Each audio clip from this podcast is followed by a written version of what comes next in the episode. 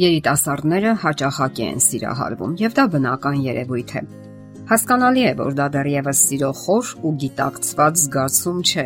այլ հույզերի եւ ներքին ֆիզիոլոգիական գործընթացների համադրություն։ Ու թեև տարբերություն գոյություն ունի սիրո եւ սիրահարվածության միջև, այնուամենայնիվ փաստ է, որ սիրահարվածությունը դրական ազդեցություն է գործում մարդու հոգեկան աշխարհի վրա, եթե միայն չի մղում անխոհեմ արարքների, ինչը առանձին քննարկման թեմա է։ Եվ այսպես երիտասարդը սիրահարվել է։ Ինչ է տեղի ունենում նրա հետ։ Օրգան համակարգերի եւ ուղեղի գործունեության հետ։ Ասենք որ նրա ազդեցությունը առաջին հերթին իր վրա զգում է ուղեղը։ Մի քանի խոսքով ներկայացնենք ուղեղի եւ նրա հնարավորությունների դերը մեր կյանքում։ Միայն զարմանալ եւ հիանալ կարելի է այս հիրավի աստվածային ինժեներական գլուխգործոցով։ Այն մի ամբողջ լաբորատորիա է իր ամենաբազմազան հսկայական հնարավորություններով Ցավոք շատերն իրենց ողջ կյանքի ընթացքում այնպես են աղավաղում ու ոչնչացնում նրա հրաշալի հնարավորություններն ու ընտունակությունները, որ նախկինից շատ քիչ բան է մնում։ Ալկոհոլ, ծխախոտ, թմրանյութեր, անառողջ սննդամթեր եւ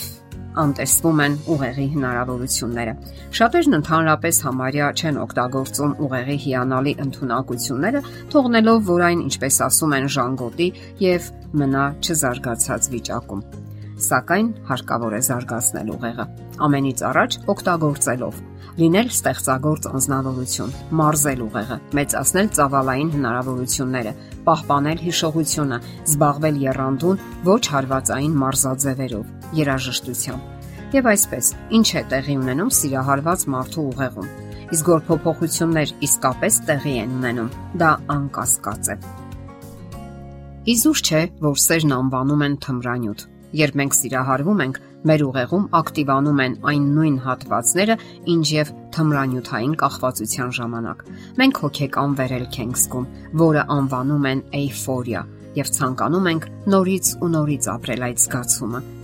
Սակայն ի տարբերություն թմրամոլության, սիրահարվածությունը խիստ օգտակար կախվածություն է եւ երբեք ռիսկի չի ենթարկում մարդու առողջությունը, նույնիսկ ընդհակառակը այն առողջարար է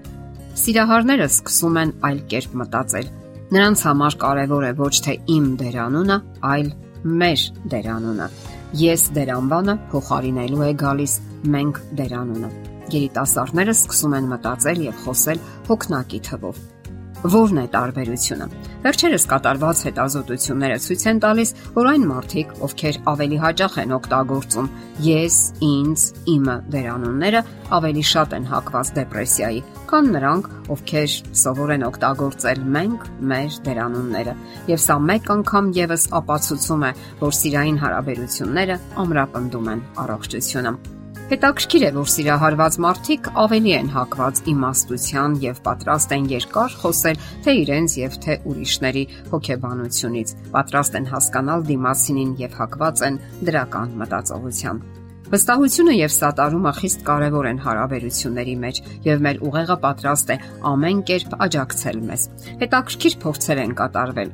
որի ժամանակ ողրվել է, որ երբ մարդը սիրահարված է, նվազում է նրա ուղեղի ճակատային հատվածի ակտիվությունը։ Իսկ այս հատվածը պատասխանատու է մասնավորապես քննադատության եւ դատապարտելու համար։ Այսինքն, սիրահարված ժամանակ մարդիկ ավելի քիչ են հակված քննադատելու կամ թերահավատորեն վերաբերվելու այն մարդկանց, ովքեր իրենց համար կարևոր են։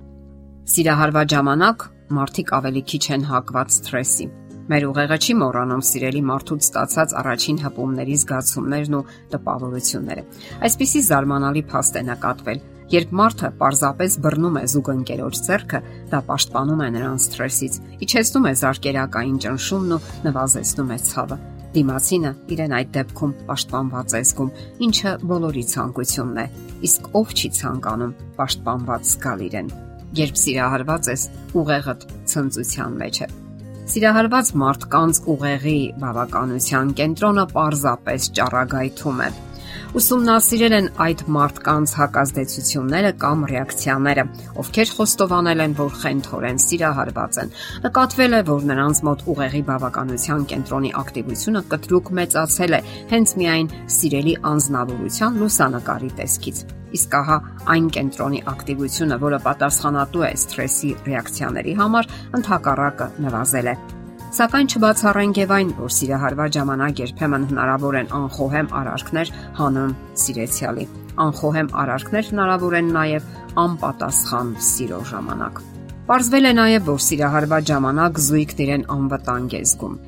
սիրահարված զույգի հարաբերությունները նման են երեխայի եւ մոր փոխհարաբերությանը։ Հենց այդ պատճառով է, որ մեր ուղեղում միանում է ներքին երեխան եւ վերադառնում են մեր մանկական զգացումները։ Իսկ այդ ժամանակվա այդ տարիների առավել որոշակի զգացումը լիակատար անվտանգության զգացումն է։ Չէ որ մենք լիովին վստահում ենք մեր ծնողներին, հավատում ենք, որ նրանք ամենազոր են եւ կարող են լուծել մեր բոլոր հիմնախնդիրները։ Դե ի՞նչ, դուք սիրահարվել եք Դա գեղեցիկ է, սակայն երբեք չանտեսեք սթափ եւ զգոն բանականությունը։ Եթերում է ճանապարհ երկուսով հաղորդաշարը։ Հարցերի եւ առաջարկությունների համար զանգահարել 033 87 87 87 հեռախոսահամարով։